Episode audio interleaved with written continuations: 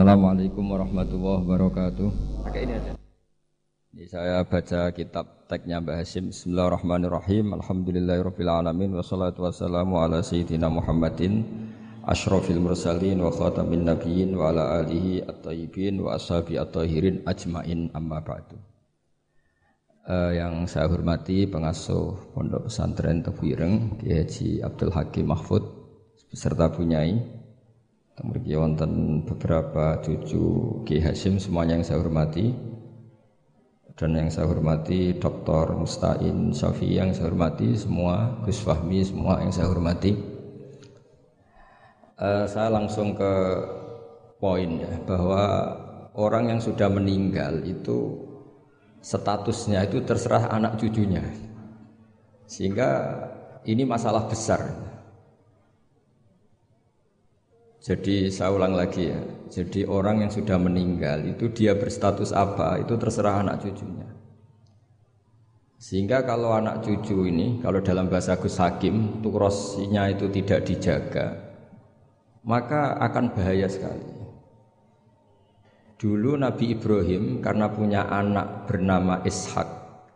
Ishak punya anak namanya Yakub. Yakub punya anak namanya Yusuf. Terus Yusuf bin Yakub bin Ishak bin Ibrahim.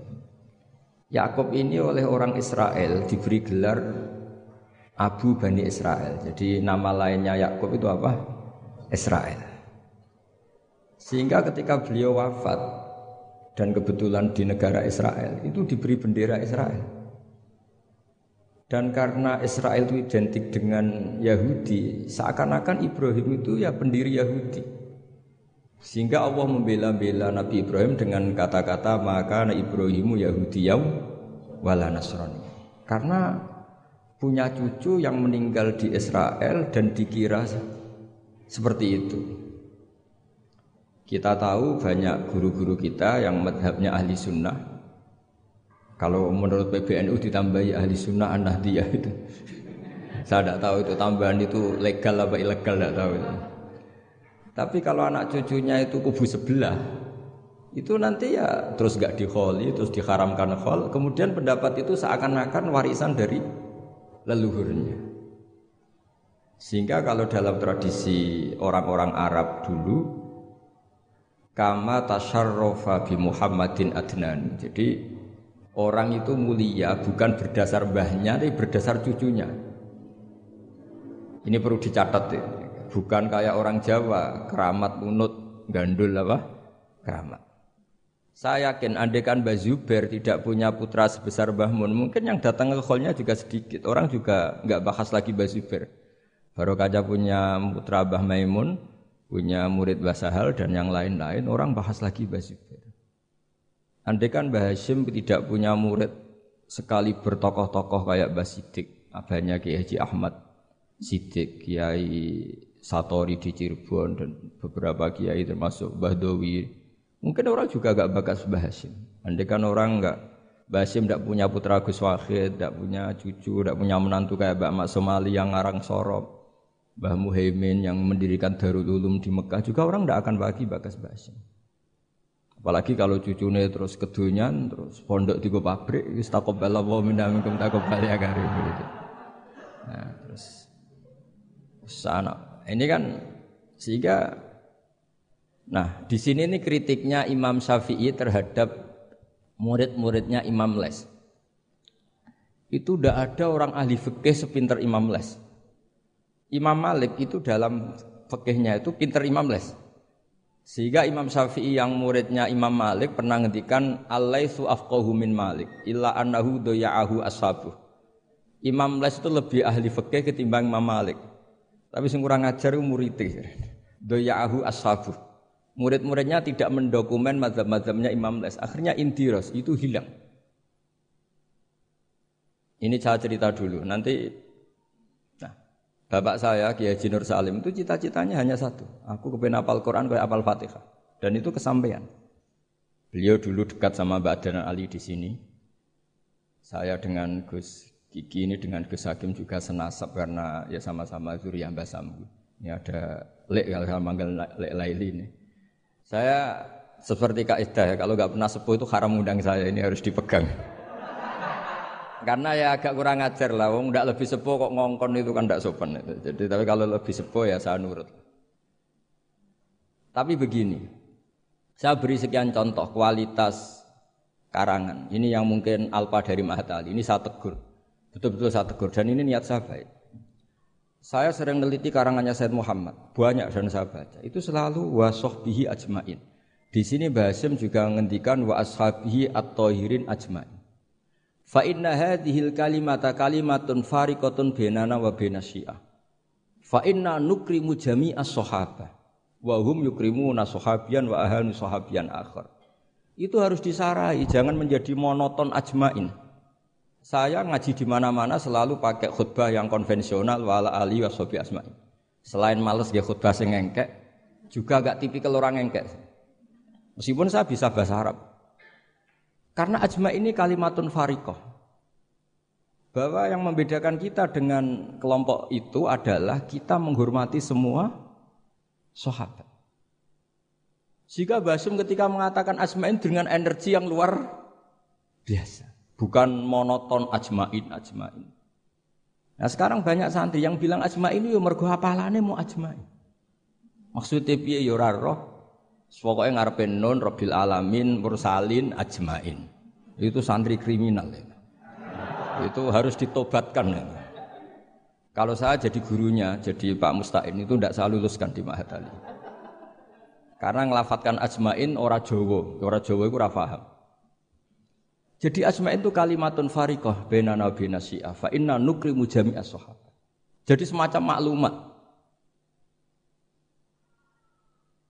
Semacam apa? Maklum. Begitu juga menyangkut solawat. Ini ada belum ta'alim kebetulan saya kaji itu an robek. Karena itu cara saya memarahi Mahatali di sini nanti. Marahi itu bagus lah. Karena kadang-kadang ilmu harus disampaikan dengan marah. Tapi tidak emosi. Sayyid Zabidi ketika memaknai solawat itu luar biasa. Sampai bisa ngecek di Fadho ilus solawat ala Rasulullah Sallallahu Alaihi Wasallam. Itu kalau ngendikan itu wah luar biasa. Nabi itu jadi nabi setelah Isa bin Maryam yang dituhankan. Kita tahu Isa itu solehnya masya Allah, nggak punya istri, nggak punya anak, nggak punya harta, nggak punya apa-apa. Dan kalau dipisai orang ya tidak balas, ditabok kanan dikasih kiri, pokoknya terlalu sempurna sampai dianggap anak Tuhan. Nabi itu jadi nabi itu setelah Nabi Isa. Nabi yang begitu dimuliakan sampai dianggap sebagai anak. Sehingga Nabi itu ada traumanya. Saking traumanya Nabi itu kalau dahar itu di depan umum dan duduknya agak kurang priayi. Sehingga kalau ada orang lewat yang belum iman bilang Hadar rojul alladhi yas'umu annahu nabiyyun ya'kulu kama ya'kulul abdu ini tahu orang yang mengira dirinya nabi tapi kalau makan tidak priayi. Seperti makan gaya makannya budak. Tapi Nabi dengan rileks ngendikan wa ayu abdin a'badu minhu. Siapa budak yang lebih baik ketimbang keperbudaan saya? Uh, dan bidzalika abdullah. Beliau merasa itu sebagai hamba Allah. Tapi apa yang terjadi? Itu perlawanan Nabi terhadap status bahwa seorang Nabi itu Tuhan. Nabi melawan terus menerus. Sehingga ulamanya juga ikut mengatakan gitu. Di antara ciri khas Nabi apa? Al-a'rad al-basyariyah. Beliau harus punya sisi sebagai manusia. Karena itu bentuk perlawanan terhadap penuhanan Nabi. Yaitu zaman Nabi siapa? Isa. Akhirnya Nabi itu daharnya ya ibadah. Tidurnya ya ibadah. Nekahnya ya ibadah. Justru barokahnya Nabi nekah Huwa basarun, buktinya yang ke, beliau menikah. Beliau juga basar, buktinya punya anak. Jadi semua yang terjadi pada Nabi itu bentuknya semuanya tauhid. Nafyul uluhiyah an, anil basar dan isbatul uluhiyah hanya kepada Allah Subhanahu. Harusnya Mahatali itu punya kualitas seperti itu. Sehingga wong ajmain nggak ditakriri ini saya curiga. Piye ya kalimat sepenting itu nggak ada penjelasannya nggak ada tahkiknya. Ini yang keliru semoga gurunya. nah, nggak perlu pengasuh, nggak berani ya.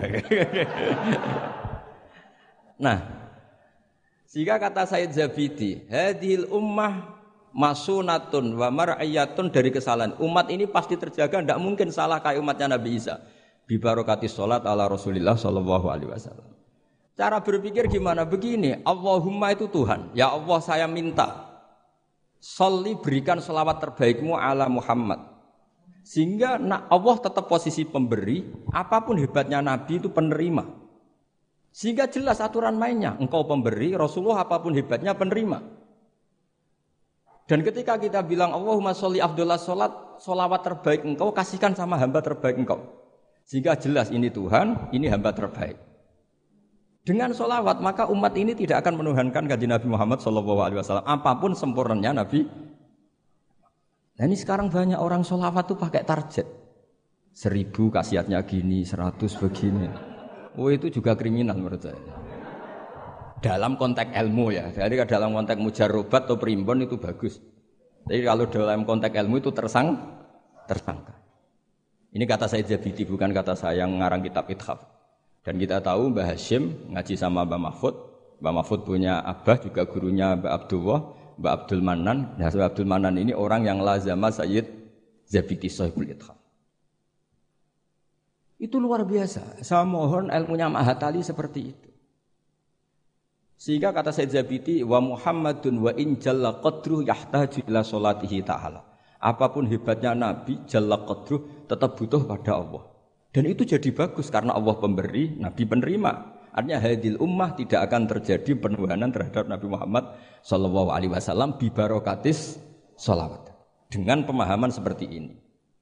Sehingga Said Muhammad kalau muji Nabi, semua ulama kalau muji Nabi pasti tidak meninggalkan kata yang ada di Burdah dak mat daat hun nasara fi nabihim. Muji nabi sak karep-karepmu, tapi dak ninggalo sira ma ing perkara iddaat hun nasara fi nabihim.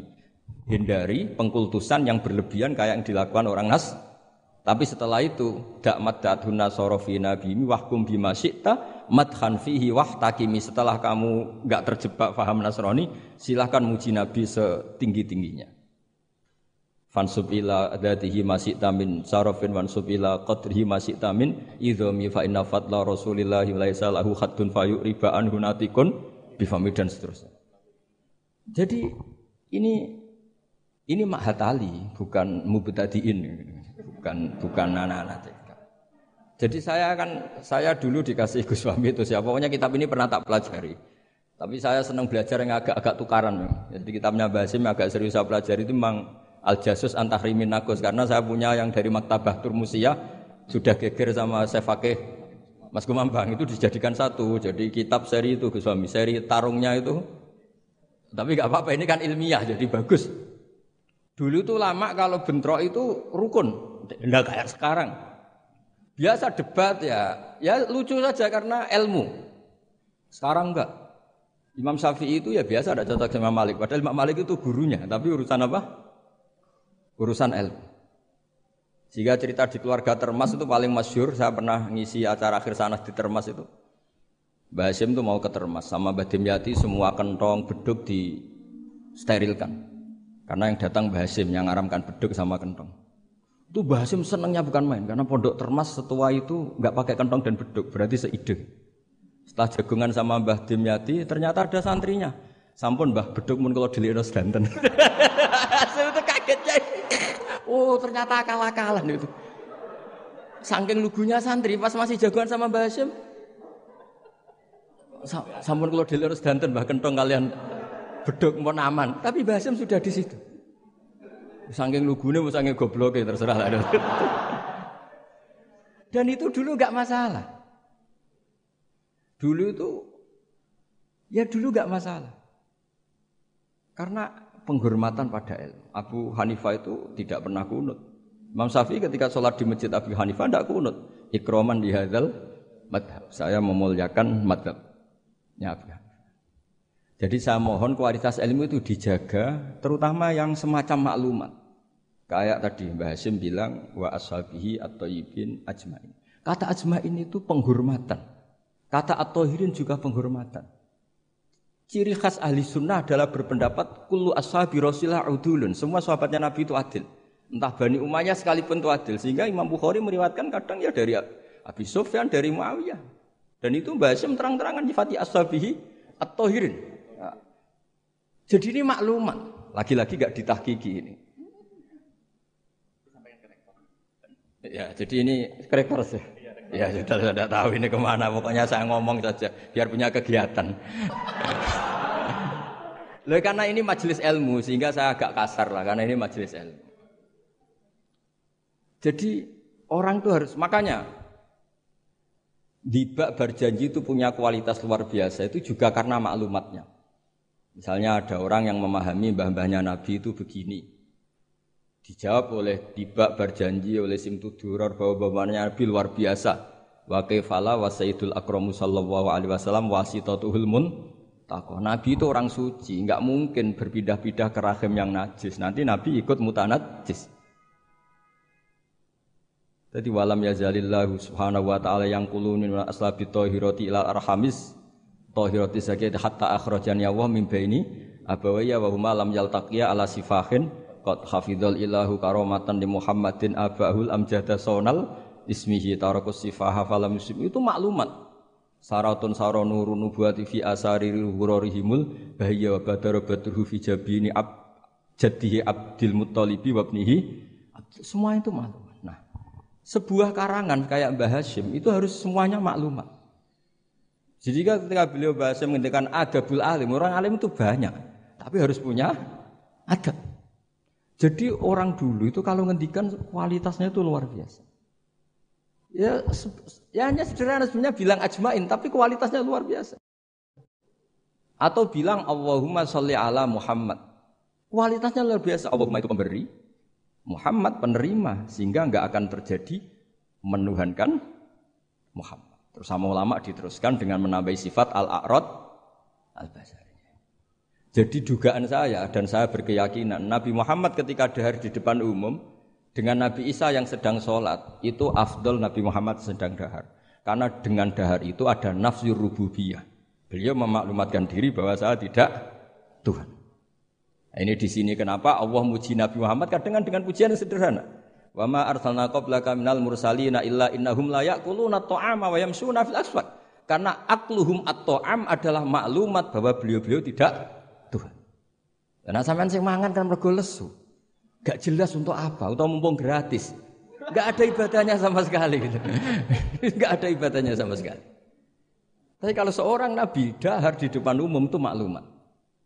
Makanya mal masih ibnu Maryam illa rasul qad khalas min qablihir rusul wa ummuhu siddiqah kana yakulani tu'am.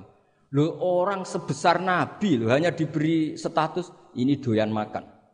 Lu itu kalau ada orang alim, misalnya ada orang alim alama, dokter Musta'in itu suka makan, itu kan tidak madeh.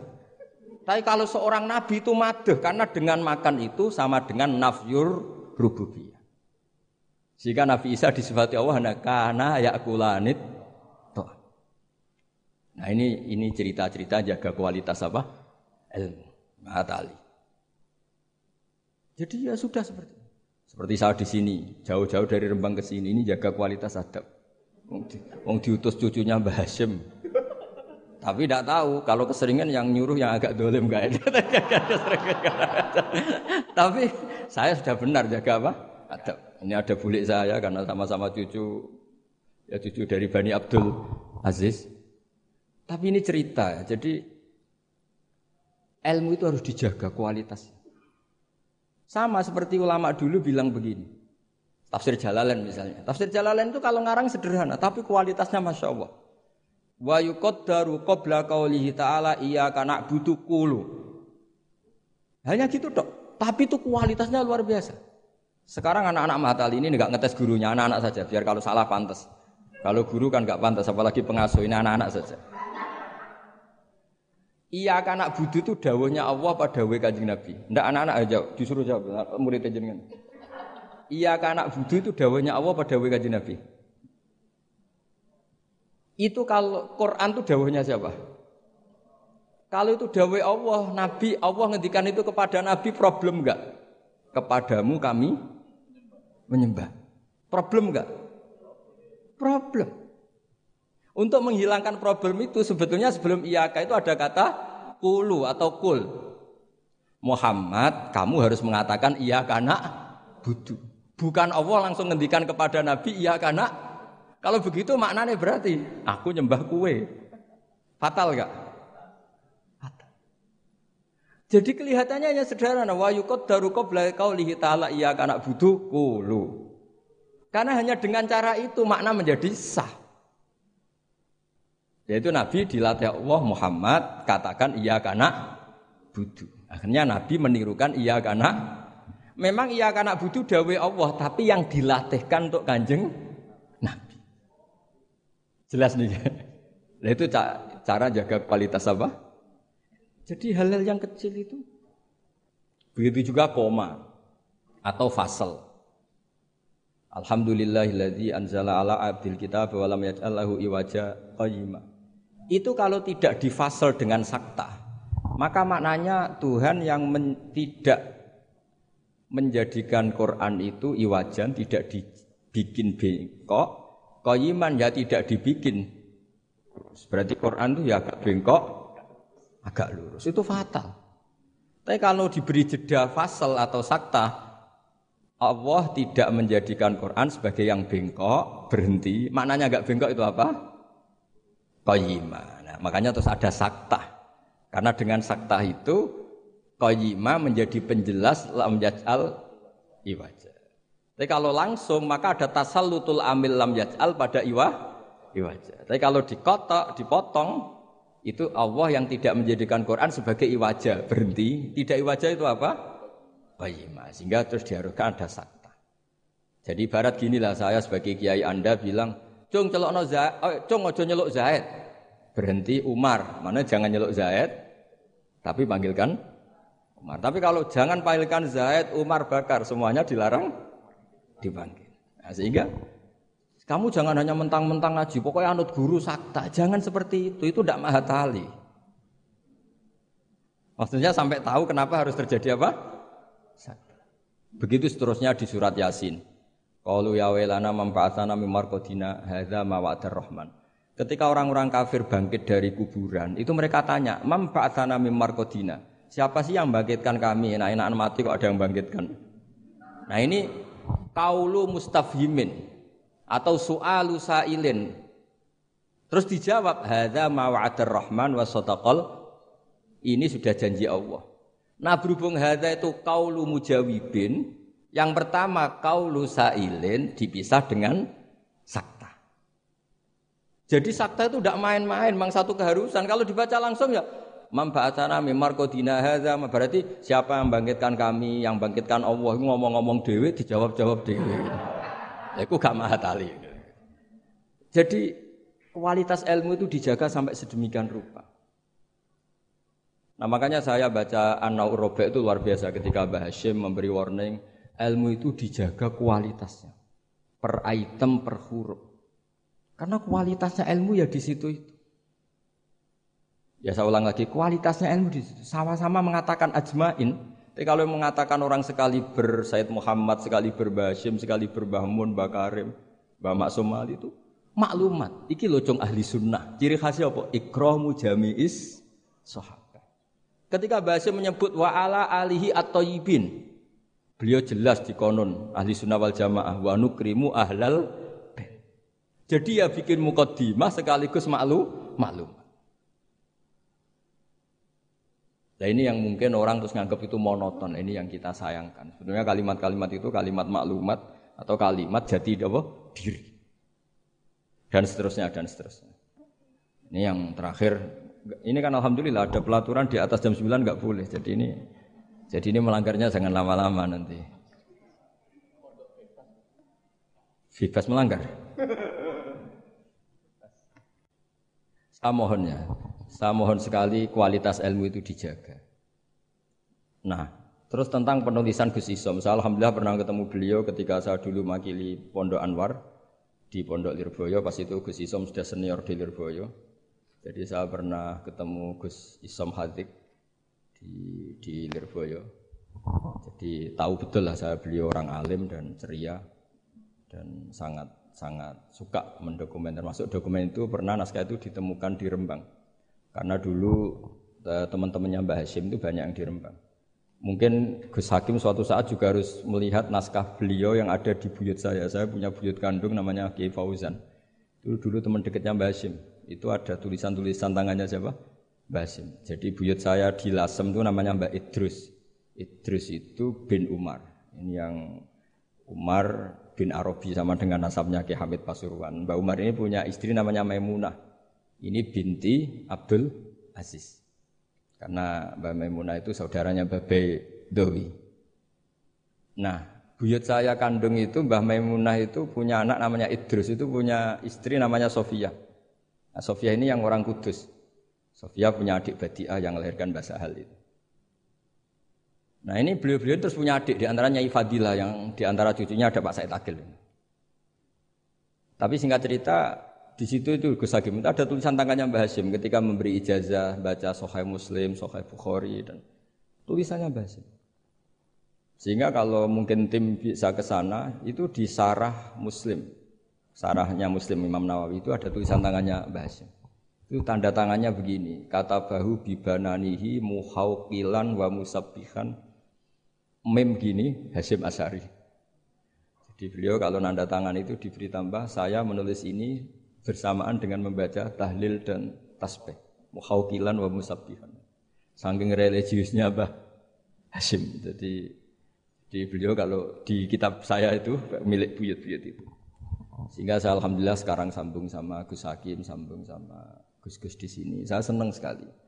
Kalau saya kalau ngeritik itu tidak ngeritik tadi yang ngomong saja supaya karena tadi Mbah Hashim ngaji sama Mbah Mahfud Maksudnya di antara gurunya Mbak Mahfud selain Syekhona Khalil dan Syekhona Khalil fi akhir hayati ketika Mbah Hasim baca Bukhari beliau datang ke sini kila istafada minhu sebagai bentuk pengakuan kalau Mbah Hasim adalah tokoh yang luar biasa sehingga hadara majlisahu syaikhuhu ketika beliau ngajar Bukhari itu Syekhona Khalil pernah datang ke ke sini ke Tafwir. Nah, saya berharap kualitas ilmu itu seperti itu. Baca solawat itu adalah bentuk penghormatan kita kepada Rasulullah Shallallahu Alaihi Wasallam bahwa beliau mendapat solawat terbaik dari Tuhan yang Maha Esa. Tapi sekaligus maklumat kita tidak akan kecelakaan kayak yang dialami orang apa? Nasrani. Karena jelas Allah pemberi, Nabi penerima. Apalagi ditambahi abdika wa rasulika, tambah maklumat bahwa apa pun hebatnya Nabi tetap abdu. Sehingga sifat terbaik Nabi apa? Abdullah.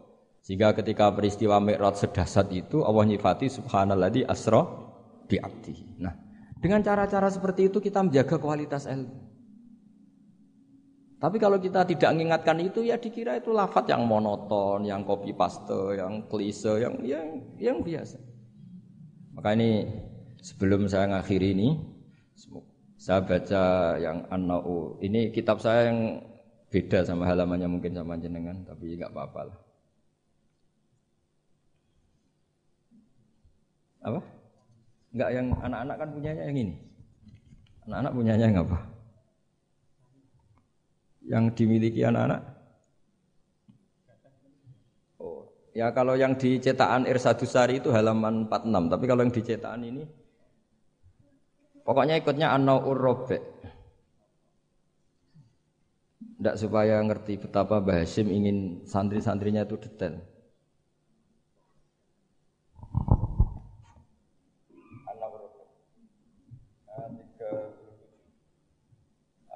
Saya baca yang 37 mulai warrofi ayu kama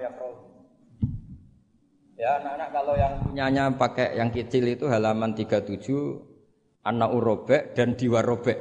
Ya, anak urobek dan di yang warobek. Ayu sahika ma yakra'uhu qabla khifdihi tasihan jayidan. Imma ala syekhi au ala ghirihi mimman yutkinuhu wa yahfaduhu. Ba'da dhalik khifdan muhkaman. Suma yukarriruhu ba'da khifdihi tikrara muadzifin. Terus saat terusnya waqat taqaddama annal ilma la yu'khadhu minal kutub fa innahu min adharril mafasid. Jadi kalau orang hanya ngaji gak pernah ditasihkan guru kata Basim itu min adharril mafasid. Karena itu masyur di kalangan kiai itu. Makanya di kalangan kiai itu masyur gara-gara titik wong mati. Ada santri nggak pernah mengkonfirmasi baca Hayatun Sauda Dawaun Mingkul Lida. Kitabnya dia itu titiknya dua. Jadi ular yang hitam itu obat dari segala penyakit. Nyalirah ular hitam dan itu kobra. Takobala wa minna minkum akhirnya mati. Nah, padahal sebetulnya itu teksnya habbatun sauda. Tapi kitabnya dia kelebihan titik dibaca hayatun sauda. Harusnya kan habbatun sauda. Makanya sama dengan saat dunia fit dunia yang lagu kesangan Mbah Mun itu, isfa'u lil muhtar sebetulnya itu karena ke, isfa'u nyafaati sira kabeh lil muhtar mari wong sing bingung bila nuktoh. Nah, tapi nanti kalau setelah muji Sayyidah Fatimah wa abihal muhtar bil karena maksudnya kanjeng Nabi. Nah hal, -hal gitu itu harus ditasah, jangan dengernya yang paling populer muhtar terus semuanya masa berarti isfa'u nyafaati sira kabeh lil muhtar mari kanjeng Nabi sing dipilih.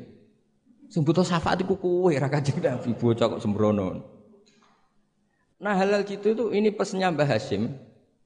Murid itu harus menaskah bacaannya. Ayu sahihah ma yaqra'uhu qabla khifdi tashihan jayidan imma ala syekh au ala ghairihi mimman yutkinuhu. Makanya saya alhamdulillah termasuk Gus modern yang sampai sekarang terima sorogan. Mulai di antaranya setujunya orang alim-alim top. Ya enak mumpung nompo sorokan iso ngamuk lah. So. Karena saya dulu ya barokahnya pernah sorokan sama kiai kiai saya di sarang. Utamanya sama Mbah Mun dulu. Mbah Mun kalau ngecek muridnya gini. Apa? Pak Rozikin siapa? Rozikin apa Rozikin? Kalau Rozikin ya salah. Satu orang kok jamaah. Tapi ya gak apa-apa jeneng gak pakai gak pakai Gak jelas sih. Nah ini kan ngaji ilmu, jadi ya, ya yang salah disalahkan. Tapi bukan berarti salah betul ya, enggak. ya, ya ada salahnya. Dulu itu Mbah Mun tuh kalau ngetes muridnya itu sebelum seminggu disuruh bikin teks khutbah. Lama-lama sebelum satu hari, lama-lama sebelum satu jam. Kalau satu jam kok putrane sudah bisa bikin, berarti pinternya bahasa Arab sudah malakah. Saya dulu belajar Sahih Muslim itu yang baca saya di depan Gus Subak putrane Mbah Mun. Saya sering disuruh baca kitab di depan Mbah Mun. Sehingga saya baca kitab itu pede, bukan karena sombong. Saya baca depan Mbah Mun saja berani, kok di depan Mahatali Tebuireng nggak berani ini kan. Wong tak bodoh nih boroh bora kan gitu. kan. Jadi ini ini pesannya Basim loh, bukan pesannya Bahal. Ini pesannya Basim. Tak baca ya awas kalau nggak dilakukan. Ini katanya Basim. Warobe ayu sohiha ma yakrohu qabla khifdihi tashihan jayidan. Imma ala syekh aw ala ghairihi mimman yutkinuhu wa yahfazuhu ba'da dzalika khifdzan muhkaman. Summa yukarriruhu ba'da khifdih. Takrora muadzifin atau tikrora muadzifin sama itu masternya. Wala yahfadhu syai'an qabla tashihihi li annahu yuqi'u fit tahrif. Wa qad taqaddama annal ilma la yu'khadhu minal kutub fa innahu min adharril mafasid kata beliau.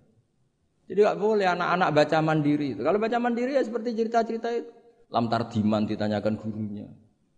Gus maknanya lam tardiman apa? Bareng tak delok jubli bab khet lam tarodaman. Diabrak dari sitok macamnya apa? Lam tardiman. Jadi lam taro rani ngali sapa mar'ah daman ing getih. Oleh takok Gus lam tardiman maknanya apa? Ya bingung gini kan. Piye? Seperti guyonan itu ya Gus? Gus Gus Umaryoto itu. Imriti dibaca apa? Umaryoto. Bingung kan? itu guyonannya kakak saya ini sama itu. Gus Dur itu kalau ada Gus Gus gak bisa baca kitab tuh Gus Dur manggilnya kan Gus Dur kalau ada tamu-tamu Gus yang nggak bisa ngaji Gus Gus Sumaryoto udah teko maksudnya, maksudnya itu masyur itu guyonan beliau itu kalau karena ada orang nggak bisa baca Imriti dibaca apa Sumaryoto jadi saya punya kitab Kiro Asapah. Itu di situ cerita kenaifan-kenaifan orang orang baca. Dan itu fatal. Termasuk nyuwun sewu korik-korik yang top itu dulu sampai alim gitu gara-gara baca itu salah. Sama gurunya dibenahin, terus dia sumpah-sumpah tidak datang ke gurunya sebelum alim alamah mengalahkan gurunya. Ini bagus. Jadi orang tuh gak boleh meyakini bacaannya sendiri sebelum ditasihkan ke guru. Itu kata beliau adorril mafasid. Karena tadi takutnya apa? Habbatun sauda dawaun mingkuli da. Dibaca hayatun sauda dawaun mingkuli da. Dan itu banyak cerita-cerita gitu tuh banyak. Makanya kalau guyonan kiai Jawa itu wal jaro lawang. Muridnya protes, "Mbah, kalau gak ada makna iku walang." Lah ya walang sing nemplek lawang. Wis kadung isin. Wis kadung isin. Watini lan alu. Ini yang cerita Mbah Mun bukan saya. Mbah, guru kula kok maknane elo, Mbah. Lah iya wit elo kena gua alu. Asline wis isin. Wal ardilan bom. Gurine bingung wal arti kok bom. Bareng didelok jebule bumi dia. Ribet kan? Jadi harus ditasehkan. Yang saya pernah ngalami sendiri bukan jari itu saya dulu ketika di madrasahnya Mbak Mun itu sekolah. Itu bab nyarai e, baca sarahnya Arba'in. Faman mengkote sapani wong saraka nyolong sapa man albedota anduk. Aduh gurune paling bingung. Cung mosok beda maknane anduk. Jebule endok tulisannya kan. Karena tulisannya sama. Nah, ini bagus ini kata Mbah ini min adoril mafasid. Nah, termasuk asal usul di karangnya Nahu juga karena itu. Ada orang Arabi kila datang ke Sidina Umar, wakila datang ke Sidina Ali.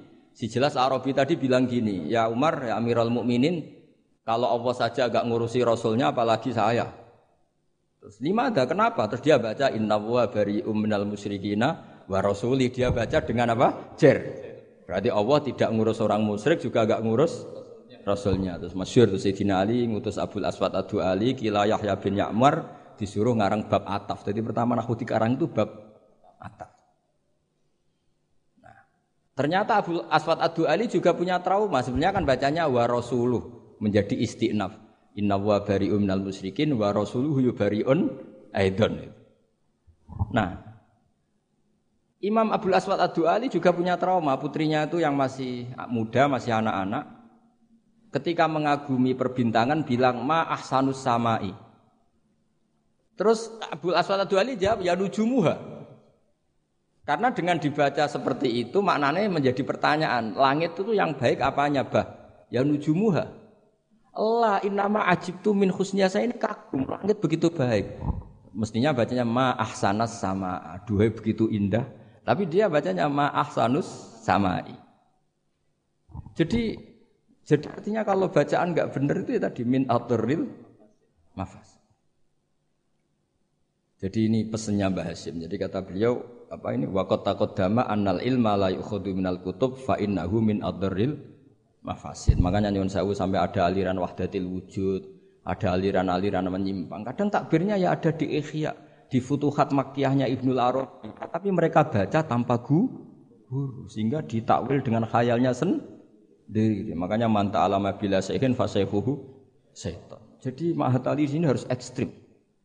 Jangan main-main. Ini fatwanya Basim menyebut min adoril mafasid. Bayangkan kalau gurunya min ba'dil mafasid. Wah itu kan malah fatal lagi kan. Minal fasid, akhoda minal fasid, wa akhoda minal fasid. Nah dikira iduannya juga Mas, makanya kembali tadi statusnya mbah itu terserah anak cucunya. Terus saya pernah Gus Hakim itu pernah saya di Palestina apa Israel lah terserah istilahnya. Ke makamnya Nabi Dawud itu nangis. Karena mereka bilang King David dan dikemuli bendera Israel. Ya coba misalnya ndak ada Quran, kita ndak punya Quran, pasti bilang Nabi Dawud itu Yahudi dengan atribut seperti itu. Ya dengan atribut seperti. Makanya Nabi Ibrahim itu luar biasa karena bejo di cucu Nabi Muhammad Shallallahu Alaihi Wasallam yang dapat Quran yang membebaskan Ibrahim dari tujuan Yahudiyah maupun Nasrani. Terus diumumkan maka anak Ibrahim Yahudiyah wala Nasrani. Lo kenapa sampai ada ayat itu? Karena Nabi Ibrahim itu dikelola mereka. Berarti disetatuskan oleh mereka dan mereka itu Yahudi. Artinya nasib anak cucu, nasibnya mbah sudah meninggal terserah anak cucunya. Misalnya nyuwun sewu loh. Baba saya itu misalnya orang alim. Wong alim biasanya kan rodok keramat. Biasanya terus tanah ya. Emang buyut saya tanah ya. Hasim juga tanahnya banyak. Mbak Wahab juga tanahnya banyak. Terus anak putune serai so ngaji, orang nganggep iku barokatul ilmi, dhisik mbahku iku donyan. Mulane warisane akeh. Ya ribet. Ribet gak kira-kira? Ya dia ndak punya ilmu, mau apa coba? Mbahku dhisik wedonyan kerja keras, bukti dia warisane. Akal yo ono sapi ono pitik, berarti mbahku penggemar pitik. Ribet. Tapi nak ngaji, mbahku seneng pitik, mergo suarane pitik ku tasbih. Mbahku seneng sapi, sapi ku an'am. Wiling-wiling nek mati Allah. Lho Mbah Mun nganti sepuh itu masih punya wedhus sing rumah tuh kanca kula nganti sepuh wedhuse kathah. Mergo mamin nabiyin illa waqatra al-ghanam ada nabi kecuali Nah, artinya apa? Nak misalnya anak puture ngalim, kan mesti ditampil ngono. Sebelah abah aku seneng wedhus. Jadi gara-gara ralim kan mesti macane nganggo ilmu nih. Wah, bahasa mau main pinggir pabrik gula. Jadi cara berpikir ekonomis. Wah, golek daerah, ya ribet. Lah kok bahasa modok Mekah dari bahasa seneng plesir. Buktine tahunnya Mekah. Ribet. Baga kerja ning Bin Laden. Wah, ribet. Jadi mbah iku nasibe gantung Nah, ini melani Gus Isom luar biasa. Beliau apa, uh, ya tadi seperti kata uh, tadi nulis terus diurip-urip meneh. Hidung ya jelas ya. Wong ini ngamuk sinten ya ora jelas, pokoknya ngomong ngono Yesus. Kowe salah paham karepmu ora karepmu pokoke niki ikhlas wonten mawon pokoke. Mboten maksud kula niki kula dari anak Gus Hakim dikehak ngamuk, jadi ya sudahlah. Ngamuk itu butuh majelis. Jadi ya memang seperti itu. Coba nyuwun sewu beberapa orang top. Itu kan ya minna. Orang tahu semua lah Sarah itu istrinya Nabi Ibrahim. Itu sak dua ribu nyai zaujat, zaujatun Nabi. Tapi sing wani nganggo jeneng Sarah itu rata-rata wong non muslim. Akhirnya seakan-akan Sarah itu figur yang non Gue sekali-kali neng-neng itu anak ejen anu Sarah. Ben bunyai Sarah. Sing mulang kitab Sarah. Ikuti kata bunyi.